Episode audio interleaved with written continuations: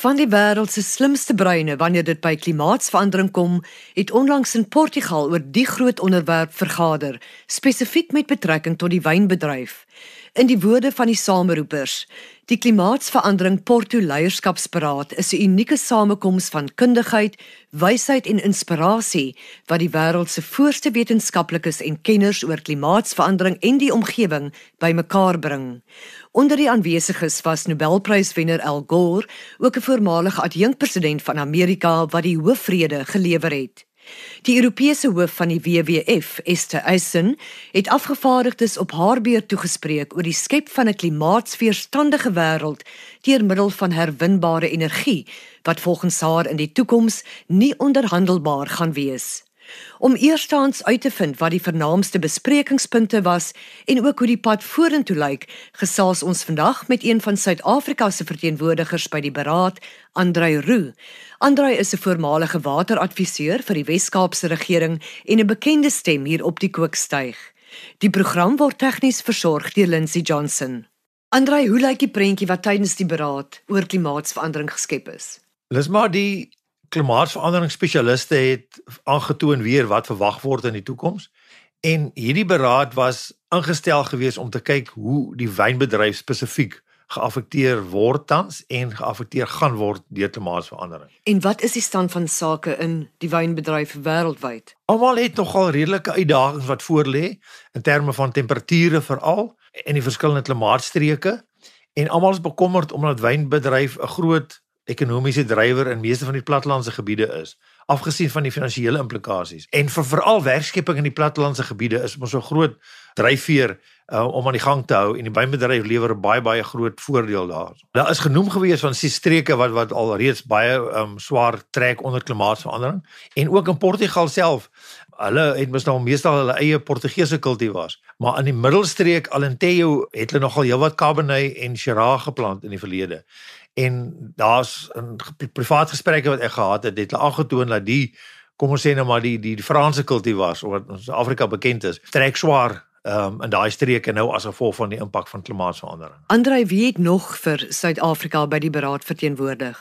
Lisbeth ongelukkig was ons net twee gewees. Uh, ons twee was uitgenooi gewees om spesifiek onderwerpe te kom deel met met die gehoor. Ek het gepraat oor waterbestuur en wat ons my vorige departement van landbou gedoen het en nog steeds doen om die wynbedryf te ondersteun. En Heinrich Sloms van Windpro is ook genooi gewees en hy het gepraat oor die belangrike rol wat wat grondvoorbereiding kan speel in in om klimaatsverandering te beperk. Veral as jy nou seker maak dat jou wyn, jou druiwe 'n diep wortelstelsel ontwikkel en ook die geskiktheid daarvan in in in die in die helling en die aspek en die mikroklimaatsones. So ons is ongelukkig die enigste twee Suid-Afrikaners wat daar was. Andrei, daar was groot name by die beraad wat natuurlik vir julle insluit en ek praat nou spesifiek van mense soos Al Gore wat ook aan die einde die hoofrede gelewer het. Wat was sy boodskap? Ja, ek was eintlik baie bekommerd oor hom gewees want hy is so passievol. Ek het 'n paar keer gedink hy gaan 'n hartaanval kry.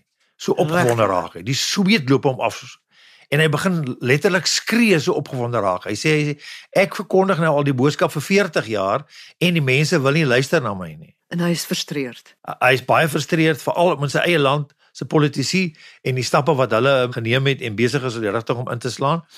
Maar opsomming was gewees dat ons almal 'n bydrae moet maak. En ek dink dit dis dis die groot ding die mense wat die meeste geaffekteer gaan word is die arm mense van die wêreld. En hulle kan elkeen 'n bydrae lewer. Alles is hoe gering. En as ons almal saam ons bydrae bymekaar tel, dan kan ons saam 'n groot verskil maak. Ek dink dit, is omtrent 'n opsomming van wat wat hy probeer sê.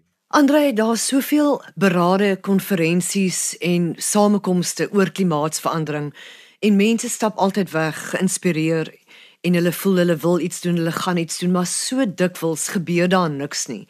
Hoe weet ons hierdie leierskapsberaad gaan iets konkreets tot stand bring? Kyk, hierdie was nie 'n um, beraad waar daar besluite geneem is en teikens gestel is vir die toekoms nie.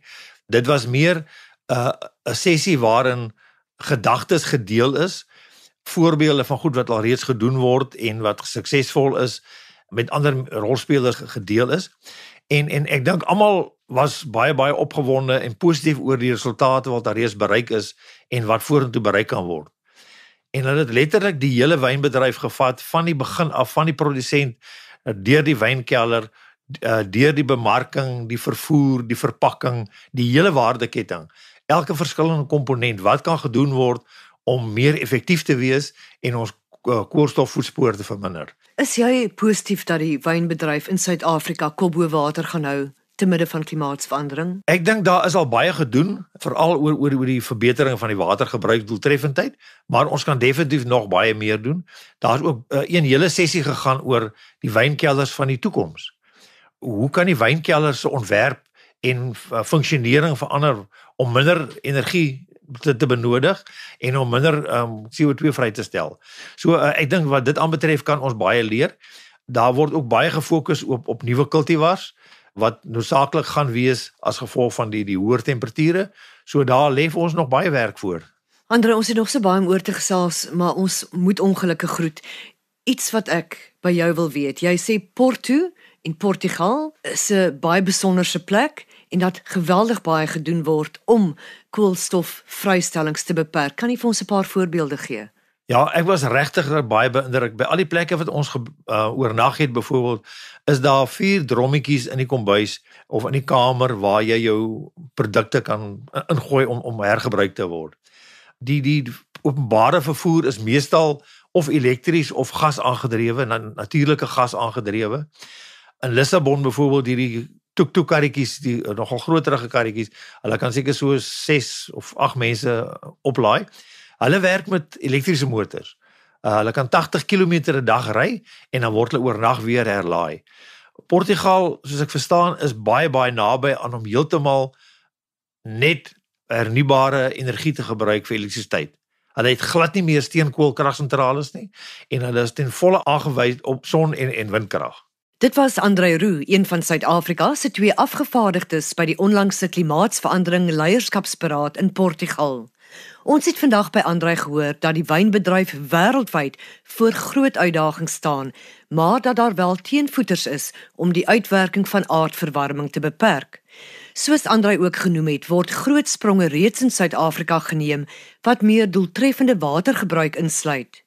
Wat soos 'n paal bo water uitstaan en volgens Andre was dit ook die sleutelboodskap deur El Gore, ons het almal 'n bydrae om te lewer en saam kan ons 'n verskil maak. Die program word ondersteun deur die Wes-Kaapse Departement van Landbou.